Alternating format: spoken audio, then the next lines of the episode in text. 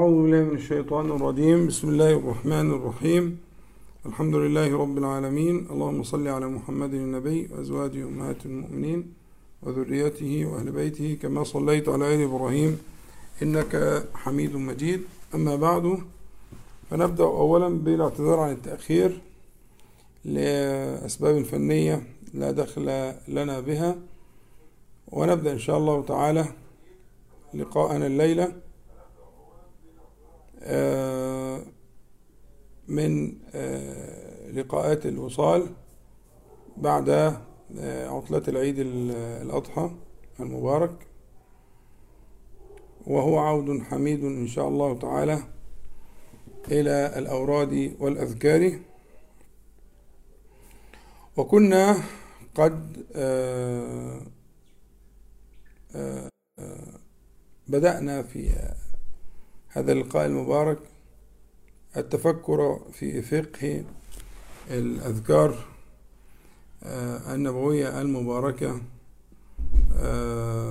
في الصلوات ودبر الصلوات وفي طرفي النهار. فكانت الأذكار في أول النهار استقبالا لليوم وإعدادا للنفس لوظائف اليوم.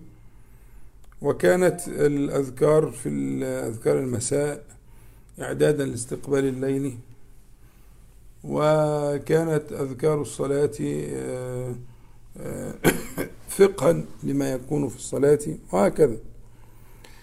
أما أذكار النوم فقلت لكم في المجالس السابقة إنها لها خصوصية. يعني أذكار ال ال ال النوم أذكار لها خصوصية. لأن الحال الذي ستنتقل إليه ليس كالحال الذي تنتقل إليه في أذكار الصلوات أو دبر الصلوات أو الصباح أو المساء أو حتى إن قلت الطعام أو الخروج أو الدخول أو الذهاب للمسجد. كل ما هذه الأذكار إنما تنتقل من حال إلى حال شبيه له. صلوا على النبي عليه الصلاة والسلام. يعني أنا أنا أدرس الآن معكم خطر هذه الأذكار. اللي هي أذكار إيه؟ اللي هي أذكار النوم. أو إذا سميناها فقه أو أذكار الإيواء إلى الفراش أو الإيواء إلى إلى النوم. الانتقال هنا انتقال من حال إلى حال لا يشبهه حال. كما قلت لك في, في, في سائر الأذكار هي, هي, هي للانتقال إلى حال. يعني يشهد القلب ما في تلك الأذكار و أن أن أن يستعد المرء مثلا للخروج بين الناس للمعروف والنهي عن المنكر للدعوة إلى الله تبارك وتعالى. كما قال ربنا سبحانه وتعالى أمر نبيه صلى الله عليه وسلم والأمة من ورائه صلى الله عليه وسلم يا أيها المزمل قم الليل إلا قليلا نصفه أو انقص منه قليلا أو زد عليه ورتل القرآن ترتيلا. إنا وإن بعد الأمر والنهي تأتي في معنى التعليل. يعني لأننا لأننا أمرتك بذلك لأننا إنا سنلقي عليك قولا ثقيلا. إن لك في النهار سبحا طويلا. دعوة الأمر والنهي عن المنكر إلى آخره. فكان ذلك إعدادا لهذا الحال. وهو حال امتداد. حال الدعوة والأمر والنهي عن المنكر وتعليم العلم وإرشاد الناس والصبر على ما يأتيه من الأذى. هذه أحوال امتداد لتلك الأحوال فيها شبه. أما الذي نحن فيه وهو ما الذي علمنا رسول الله صلى الله عليه وسلم فيما يكون بين يدي النوم هو في الحقيقة انتقال من حال إلى حال لا يشبهه ولا يشبهه حال آخر. قد شرحت ذلك وبينته. هو حال من من أحوال الموت. هو الموتة الصغرى. كما ذكرنا في غير موضع من القرآن الكريم وأشهرها والذي شرحته سورة الزمر. الله يتوفى الأنفس حين موتها والتي لم تمت في منامها يعني يتوفاها في منامها. إذا هو شيء من الوفاة لا يشبه ما قبله من الأحوال. حال غير الحال. فلذلك هذه الأذكار أخذت آه، خطرها وأخذت قيمتها وأخذت نوعيتها. أنه إعداد للنفس البشرية للانتقال من حال اللي هو حال اليقظة قبل النوم إلى آخره إلى حال لا يشبهه حال حال لا يشبهه حال اللي هو حال الإيه؟ الموت الصغرى. انتقال الروح بتنفصل انفصال مؤقت عن البدن وتذهب. ربما تذهب إلى أعلى عليين ربما تذهب إلى حضرة القدس ربما ترتقي إلى أعلى المرتقيات ربما ربما ربما مسائل كتير وده اللي إحنا مشغولين به الآن. لكنه النوم هذا من البيان الشرعي لأن النوم شيء محير في العلم يعني في الطب والعلوم دي. النوم لا يزال شيئا محيرا. آه، تقنينه فقهه معناه دقائقه أحواله. العلم يعني في مرحلة آه، باكرة جدا من الإدراك لحقيقة النوم. الشرع أنهى القضية. الشرع آه، أخذ بأيدينا إلى الحقيقة.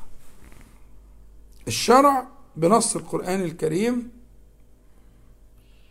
وكلام النبي الأمين صلى الله عليه وسلم وأحاديثه الصحيحة بين لنا هذه الحقيقة أن النوم فيه انفصال بين الروح وبين الجسد وانفصال مؤقت الله يتوفى الأنفس حين موتها والتي لم تمت في منامها الراجح من أقوال المفسرين أن كلمة في منامها يعني يتوفاها في منامها. إلى آخر الآية التي شرحناها مرارا. يبقى إذن هذا حال مخصوص جدا. ولذلك أنا عايز أنصح نفسي اولا وحضراتكم آه ثانيا أن يكون لنا عناية خاصة بتلك اللحظة اللي هي لحظة الايه الإيواء. وأنا شرحت في اللقاء الأخير قبل العيد آه الإيواء إلى الفراش أن تأوي إلى فراشك لحظة الولاء للفراش دي لحظة استثمارية بأعلى الدرجات أعلى درجات الاستثمار. يعني الموفق السعيد اللهم وفقنا يا رب العالمين. الموفق السعيد هو اللي بيستثمر لكن إحنا للأسف حياتنا مش منظمة قوي. فتبص تلاقي الإنسان على ما بيوصل اللحظة دي بيبقى إيه؟ خلصان. يعني بيسقط. ممكن قبل ما حتى يفرد جسمه على الفراش يكون فصل. مسكين. أنا ظالم لنفسي بهذه الطريقة. المفروض إن دي وظيفة يعد لها من قبلها. وأنا أنصح نفسي اولا لأن أعاني في ذلك. أوفق أحيانا وأخذل أحيانا. أوفق أحيانا وأخذل أحيانا. يعني لا أحسن اهتبال هذه الفرصة ولا أحسن الانتفاع بها دائما. أحيانا يوفق الإنسان وأحيانا يحرم توفيق. خدين بالكم؟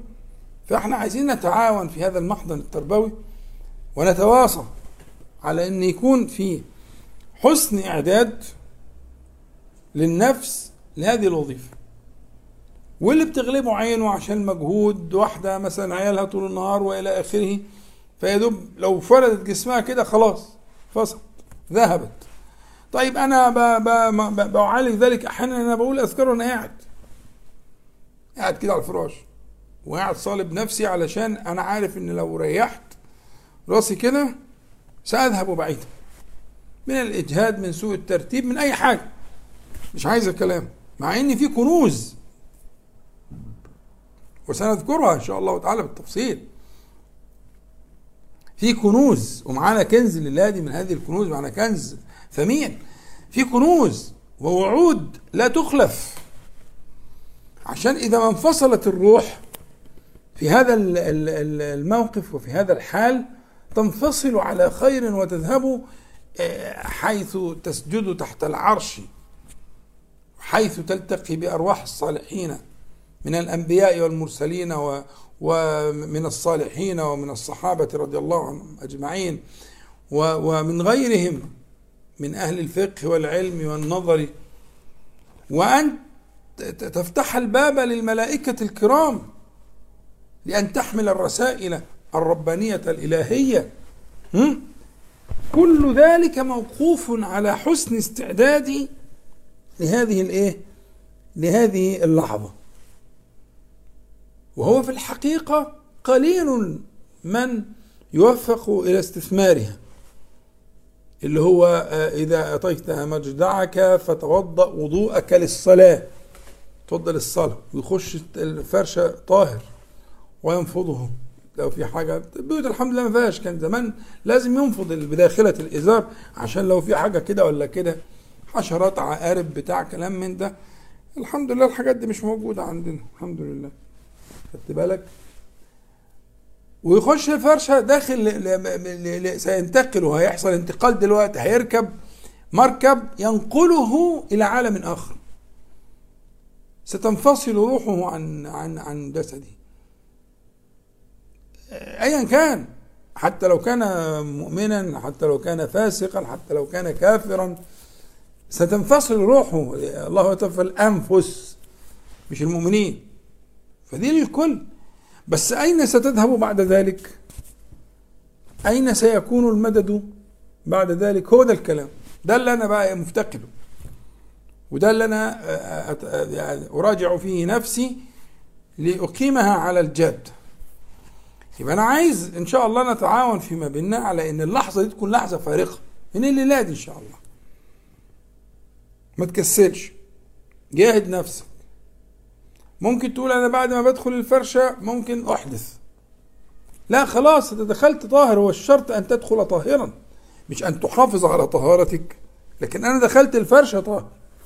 وبعدين وأنا بقول ذكر أو بعد ما قلت ذكر أو ذكرين أو كده فحصل خرج منه ريح أو بتاع عادي مفيش مشكلة خلاص ما, ما تقومش مش ما الشرع لا يأمرك أن تقوم مرة أخرى وتقعد طول الليل رايح جاي. لا ما فيش كلام من ده أصلا. فاهم خطا لكن أنت هتقعد تخش فرشتك طاهر. خلاص؟ وتقول الأذكار طاهر. علشان من بات طاهرا بات في شعاره ملك. والرواية الأخرى بات في شعار ملك. والشعار زي ما اتفقنا اللي هو أقرب شيء للبدن. يعني مش القميص ده لا مش ده اللي تحته.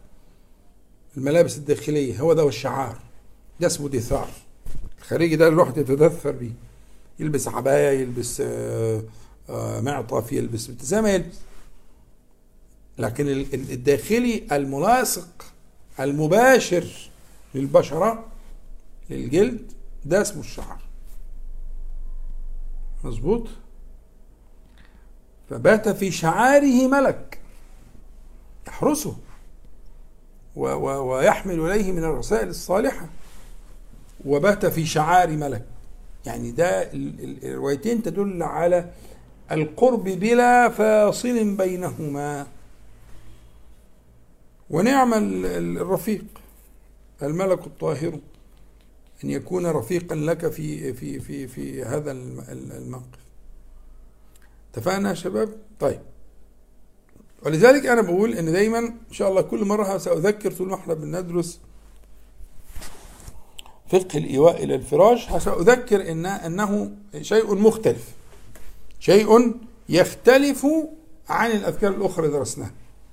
إيه وجه الاختلاف إنها فيه انتقال من حال إلى حال لا يشبهه حال. حال فريد. إيه هو الحال الفريد؟ ها قول بقى معايا. ها أحسن. اللي هو انفصال الروح عن البدن وذهاب الروح إلى حيث تذهب. مؤقتا لتعود إلى أن يأتي يوم تنفصل الروح عن الجسد ولا تعود إليه. يجي يوم كده. وده حتمي على الكل على الأنبياء والمرسلين والصالحين والعباد والمجاهدين وعلى كل نفس كل نفس ذائقة الموت. وهذا الانفصال الذي لا عودة بعده. لما هترجع تاني هترجع لبدن تاني بقى.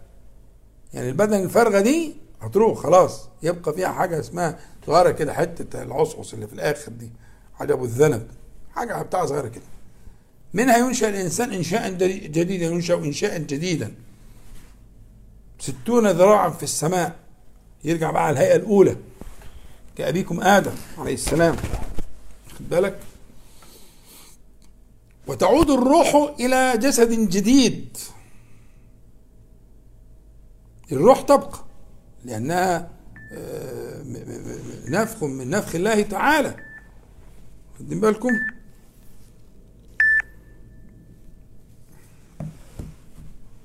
صلوا على النبي عليه الصلاة والسلام. فهي باقية وتبقى في الجنة أبدا وتبقى في النار والعياذ بالله أعاذنا الله وإياكم أبدا. لكنها باقية فتعود الروح مرة أخرى في البعث إلى جسد جديد. اتفقنا؟ طيب. صلوا على حضرة النبي صلى الله عليه وسلم. يبقى إحنا دلوقتي بعد هذه المقدمة هنقول الذكر آه، اللي معانا الليلة دي معلش الهاتف كان ضرب يعني. مش عامله صامت. فقد أصمته آه الذكر الليلة دي هو آه، في في سنن أبي داود وعند الحاكم كذلك أن أبا الأزهر الأنماري وهو صحابي النبي عليه الصلاة والسلام له صحبة له حديثان وقيل ثلاثة أحاديث في السنة وهو أنماري والأنمار هم من كبار قبائل العرب التي تكون في في في الجنوب في عسير في اليمن يعني.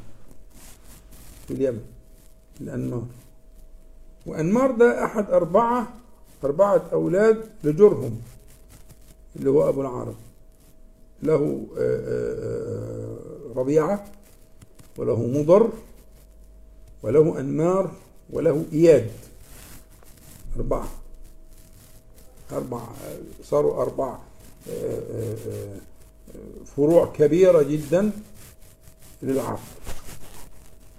فالأنمار هم قبائل عربية كثيرة تفرعت لها فروع وكلها في الجنوب في جهة الجنوب في العسير واليمن وكده.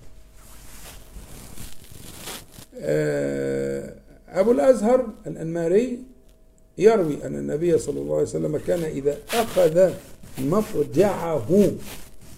قال بسم الله وضعت جنبي. اللهم اغفر لي ذنبي وأخسئ شيطاني وفك رهاني وثقل ميزاني واجعلني في النبي الأعلى. ده مجموع الروايتين رواية أبي داود ورواية الحاكم. الحاكم زود على رواية أبي داود قوله صلى الله عليه وسلم وثقل ميزاني وبدل كلمة آه، في النبي الأعلى قال في الملأ الأعلى. هما بمعنى؟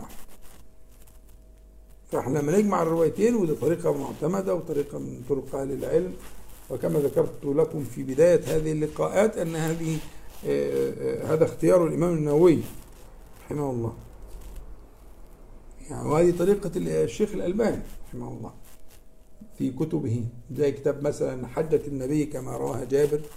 عنده الأصل حديث جابر في مسلم ويضع في بينهما ما صح عنده من غير مسلم. فيضعه في السياق يصل به. فتقرا الحجة من أولها لآخرها بسياقها وكذلك صفة صلاة النبي صلى الله عليه وسلم. نفس الكلام.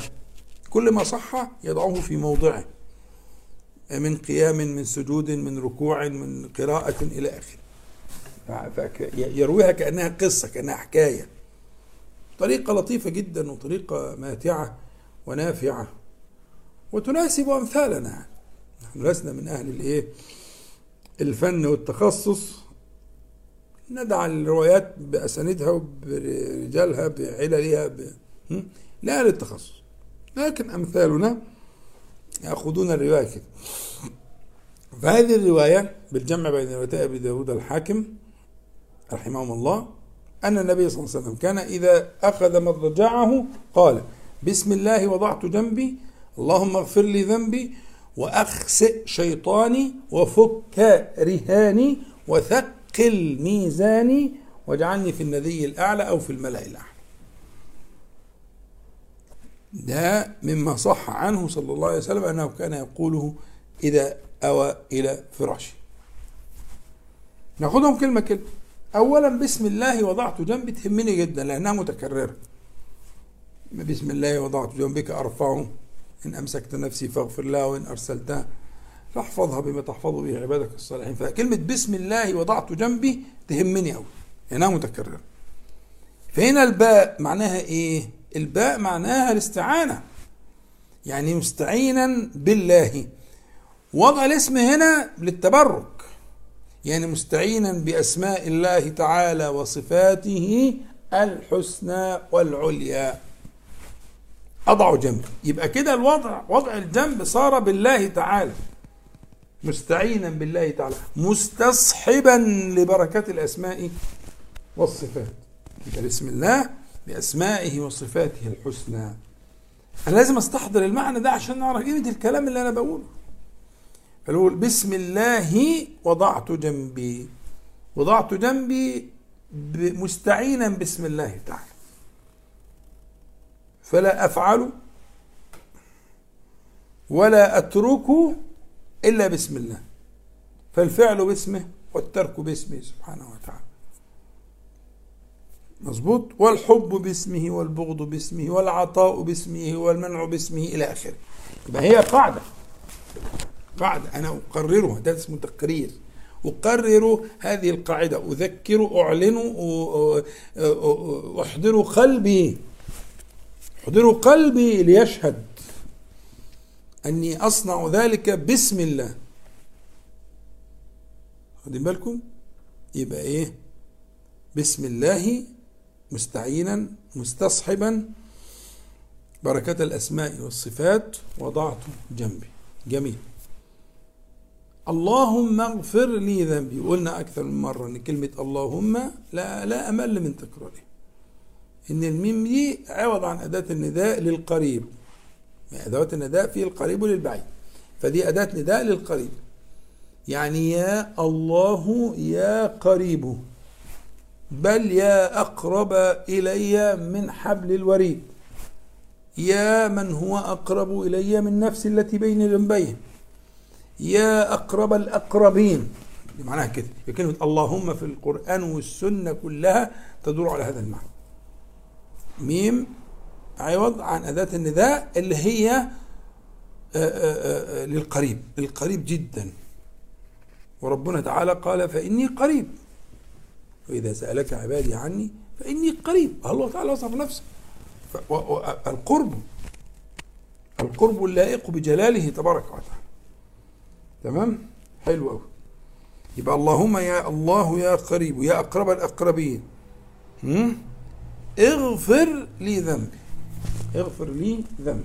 وقلنا إن المغفرة كتير نشرحها ولا بأس من تكرار وهذا هذه هذه الجنة جنة الدنيا. ذكر الله تعالى.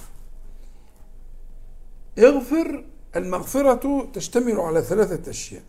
على الستر والوقاية والمداواة. يبقى في ذنوبي أطلب منك في ذنوبي ثلاث أشياء. اغفر. أن تسترها كما يستر المغفر الرأس المغفر بتاع المقاتل الخوذة يبقى أن تستر ذنبي. والوقاية أن تقيني شره يعني الذنب سمي الذنب ذنبا لأن له إيه؟ ذنب زي الديل كده. لأن له توابع. وكما قلت لك مرارا أحيانا ما تكون التوابع أشد ضررا من الفعل نفسه. فأنت تقول اغفر يعني استر اغفر يعني قني شره وما يترتب عليه اغفر يعني داوي. المداواة مداواة الجروح التي حصلت من هذه الذنوب. فالذنوب دي جراح ويعلم ما جرحتم. بالنهار جراح كجراح البدن بالضبط. وجراح البدن إن لم تداوها آه، تعفنت وتقيحت ولا تندمل ولا تلتئم. فعشان كده في نبات كده كان بيسموه نبات الغفر كده يعني يطحنوه ويذروه يرشوه كده على الإيه؟ على جراحهم. فتعمل إيه؟ فتمنع تقيحه وتمدده وتساعد على التئامه. يبقى أنا هطلب إيه؟ ثلاث حاجات. لذنوبي أطلب ثلاث حاجات. الحاجة الأولانية أن تسترها المغفر الحاجة الثانية أن تقيني شرها. ضربات تيجي على رأس البني آدم بالمغفر تقيه أن تداوي جراح ذنوبي. يبقى اللهم اغفر لي ذنبي. والذنب هنا جنس مش ذنب واحد. لما تقول اللهم اغفر لي ذنبي يعني ذنبي كله. دقة وجله أوله واخره علانيته علانيته وسره كله كله فان الذنب هنا جنس.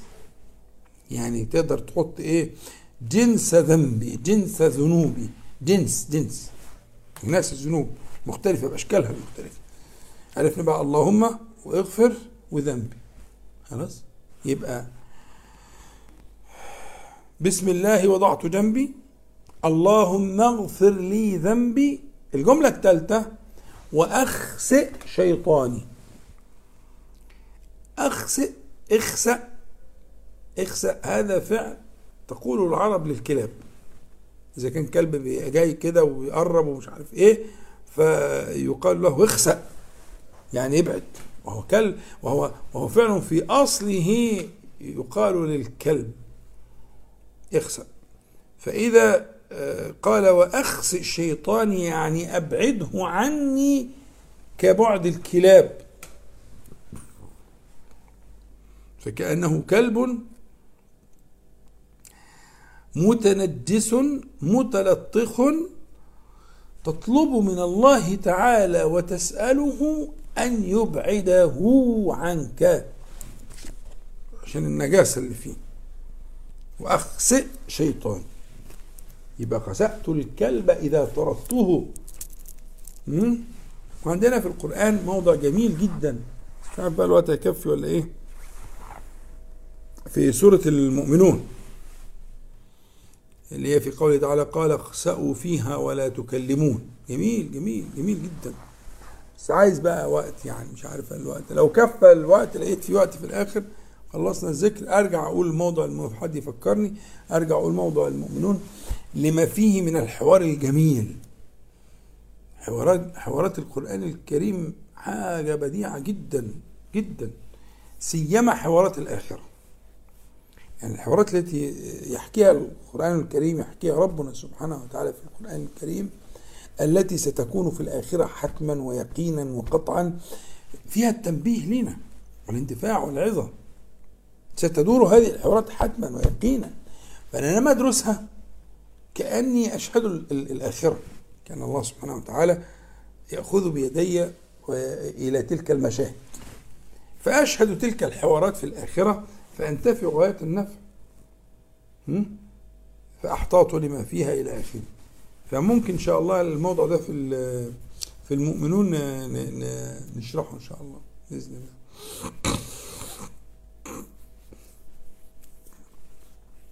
صلوا على النبي عليه الصلاة والسلام.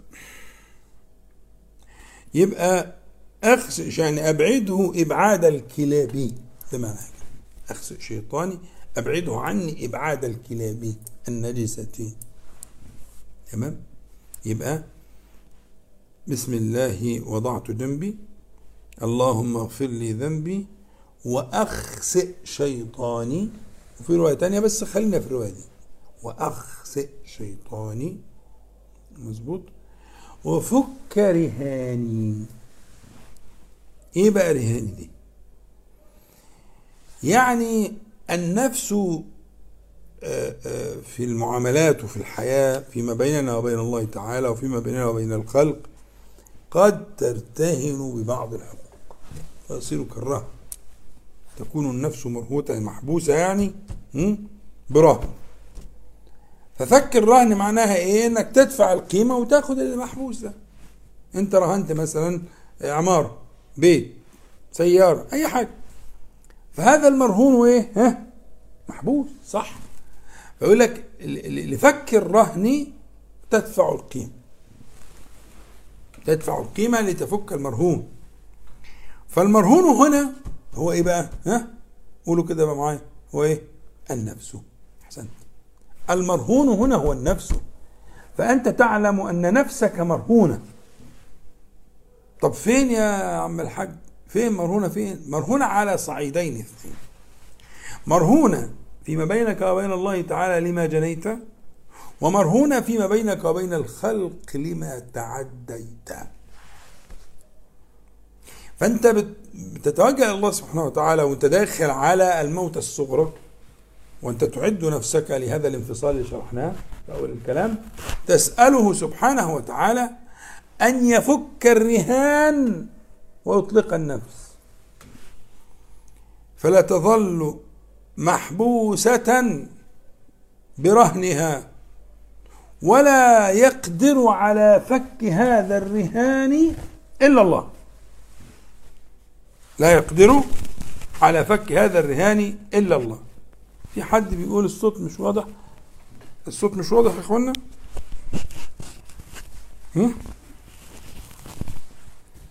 لا يزال مش واضح.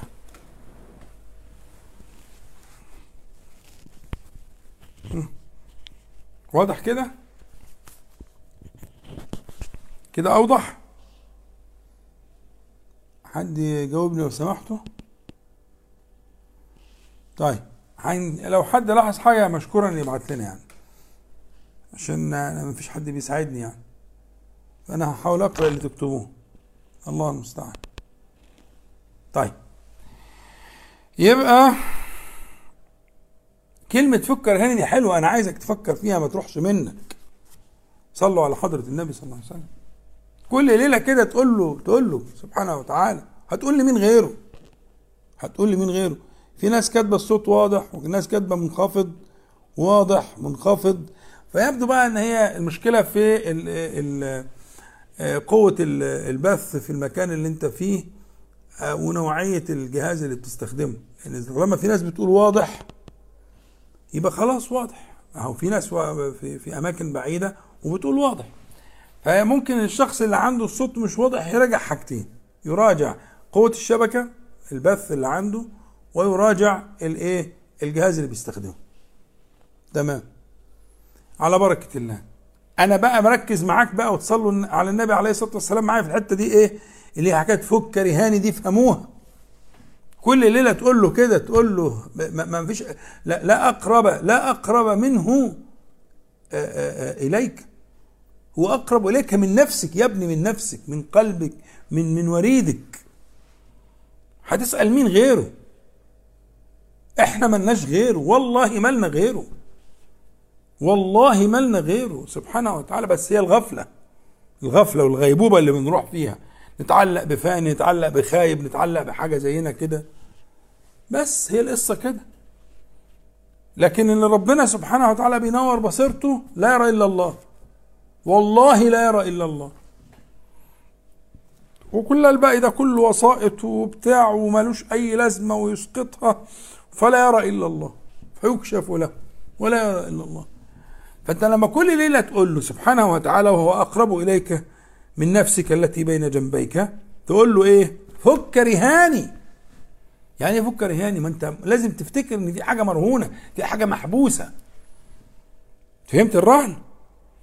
الرهن اللي أنت رهنه ده عشان كنت تاخد شيء ما تفكش محبوس. واخد بالك من الكلام؟ آه محبوس. فأنت تقول لا يقدر على فك الرهن إلا إيه؟ إلا أنت. يا أرحم الراحمين. لا يقدر على فك الرهن إلا أنت. ولذلك ولذلك لا أسأل أحدا سواك. يما قلت له إيه؟ أخسئ شيطاني فلا يقدر على ذلك إلا أنت. أبعده أبعاد الكلاب وتقول له فك رهاني يعني هذه النفس مرهونة مرهونة بحقها بحقك مرهونة بحق العباد. وأنا لا أقدر على دفع هذه الحقوق. مش قادر أنت الذي يقدر على على توفية الحقوق بأن تعفو عن حقك أنت وتتجاوز. وأن تسد حق العباد اللي أنا مش قادر عليه. يبقى الرهن هنا ارتهنت نفسي من حقك وحق العباد. ففك أنت رهاني معنى جميل جدا.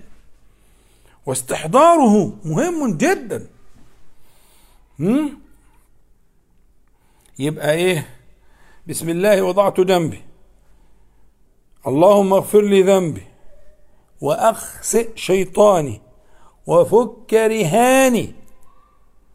وثقل ميزاني. الزيادة دي عند الحاكم. وثقل ميزاني لأنه لا بد من نصب الميزان يوم القيامة. فثقل كفة الميزان كفة الحسنات. ربنا تعالى يقول ونضع الموازين القسط ليوم القيامة. موازين موازين. فلا تظلم نفس شيئا. وإن كان مثقال حبة من خردل يعني زي الذرة كده. زي النملة أصغر من نملة. وإن كان مثقال حبة من خردل. أتينا بها بالأمر. وكفى بنا حاسبين. وتجد مكانها في كفة الميزان. فيبقى هنا أنا مؤمن بالميزان. ومن أنه ستنصب الموازين يوم القيامة. فأقول لك برحمتك وبعفوك وبأسمائك الحسنى وصفاتك العلى أتوسل بها إليك أن تثقل ميزان تجعل الكفة ثقيلة. هتثقل بإيه الميزان؟ تثقل بلا إله إلا الله. بطاقة حديث البطاقة تثقل بإيمانك بأنه لا إله إلا الله وأن محمدا صلى الله عليه وسلم رسول الله. ها؟ ثقل الميزان طبعا. فيش أغلى منها ولا أقوى منها ولا أثقل منها في الميزان. أجددها أجددها أجددها. وثقل ميزاني يعني بإيماني. حقق إيماني وثقل به الميزان. حقق إيماني وثقل به الميزان. طيب آخر جملة. واجعلني في الندي الأعلى. الندي اللي هو المنتدى المجتمع يعني الملأ الأعلى في الرواية بتاعت الحاكم الملأ الأعلى. اجعلني في الملأ الأعلى أو في نسيان. الندي الأعلى ما اللي هو الذي يجتمع المجلس الذي يجتمع فيه القوم. بس مين بقى القوم اللي بيجتمعوا في الأعلى؟ ها؟ مين؟ أيوة الله يفتح عليك. ملائكة. طب اجعلني أنا إزاي وأنا موجود في الدنيا؟ يعني إزاي يجعلني في الندي الأعلى؟ يبقى لازم هنا في حاجة محذوفة مقدرة. مظبوط؟ ما ينفعش يجعلني أنا ب ب ببدني أو بذاتي أو بشخصي. ما ينفع؟ جيش إزاي تبقى يجعلني في الذي الأعلى؟ أنا مش مكاني في الذي الأعلى. يبقى لازم هنا نقدر شيء. علم التقدير هنا؟ حد يقول هم؟ قولوا يا جماعة صلوا على النبي عليه الصلاة والسلام. ها؟ اجعلني يعني واجعل ذكري. آه. اجعلني مذكورا. في الندي الأعلى. هو أنت ممكن تكون مذكور في الندي الأعلى؟ آه طبعا. بنص القرآن والسنة الصحيحة في غير حديث. كتير. إحنا أشرنا للكلام ده قبل كده. إزاي؟ ربنا تعالى يقول فاذكروني أذكركم. في القرآن. من ذكرني في ملأ ذكرته في ملأ خير منه. ذكرني في نفسه ذكرته في نفسي. ومن ذكرني في ملأ ذكرته في ملأ خير من يعني خير من الملأ الذي ذكر فيه. الملأ الطاهر النبي الأعلى الملأ الأعلى. آه آه صح. يبقى أنا لما أقول واجعلني في النبي الأعلى مش أنا أنا بلحمي وعظمي وكده أطلع لا لا لا مش مكاني. يعني واجعل ذكري واجعل ذكري وأنا قلت أكثر مرة الحديث لا تذكرون إنما تذكرون الله تعالى التسبيح والتهليل والتحميد إلى آخر الحديث تذكرونه. لهن دوي كدوي النحل وذكرنا بصاحبها أو تذكر بصاحبها. آه باسمك واسم أبوك واسم أمك فلان ابن فلان وفلانة في الملأ الأعلى. يا نهار أبيض! ده أنا ولا حاجة. ما هو أنت ولا حاجة فعلا. وأنا وأنا ولا حاجة. أنا وأنت ولا حاجة. بنبقى حاجة إمتى؟ ها؟ أيوه أيوه أحسنت. لما بنذكر ربنا سبحانه وتعالى. إذا ذكرناه صرنا حاجة. فصرنا بذكرنا لله تعالى أهلا لأن نذكر في الملأ الأعلى. وأنت بتطلبها بقى طلب صريح أهو. تطلبها آخر طلب. آخر طلب في الطلبات اللي أنت أو الأسئلة السؤالات التي تسألها في هذا الذكر المبارك قبل أن تنام. واجعلني في الندي الأعلى واجعلني في الملأ الأعلى يعني واجعل ذكري اجعلني مذكورا في هذا الملأ الأعلى. اجعلني مذكورا في هذا الملأ الأعلى. بذكر إياك. وأنت الذي وعدت تذكروني أذكركم. ذكرني في ملأ. التسبيح والتحميد والتهليل. ينعطفن حول العرش. لهن دوي. ده الملأ الأعلى. لهن دوي كدوي النحل. بس كلام بقى مفهوم. إيه هو؟ يذكرن بصاحبهن أو تذكر بصاحبها. أما يحب أحدكم أن يكون له ما أو قال من؟ كأنها عاقل. من يذكر به؟ ألا يحب أحدكم؟ حاجة يعني ده استفهام غرض الحض يحضك ويحضني على ذلك. والله هذا الذكر كنز من الكنوز أقسم بالله. والله كنز من الكنوز. اكتبوا بقى في ورقة وتقول حطه جنبك كده جنب السرير كده جنبك على البتاع اللي جنب السرير ده وتقوم كل كل تقراها. تتوضا وتخش وتقوم من الاذكار احفظ بقى الذكر ده.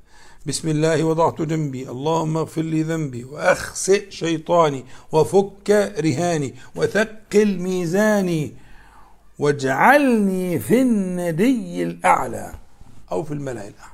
مرة كده ومرة كده اقولها الاثنين كله ماشي. كله صحيح. خلاص؟ طيب أنا مش عارف أظن إحنا كده إيه طولنا على حضراتكم. إحنا أصلا بادئين متأخر حوالي نص ساعة أو أكثر قليلا. فسامحونا. وإن شاء الله آه، آه، آه، حد يذكرني يبقى المجلس القادم إن شاء الله تعالى.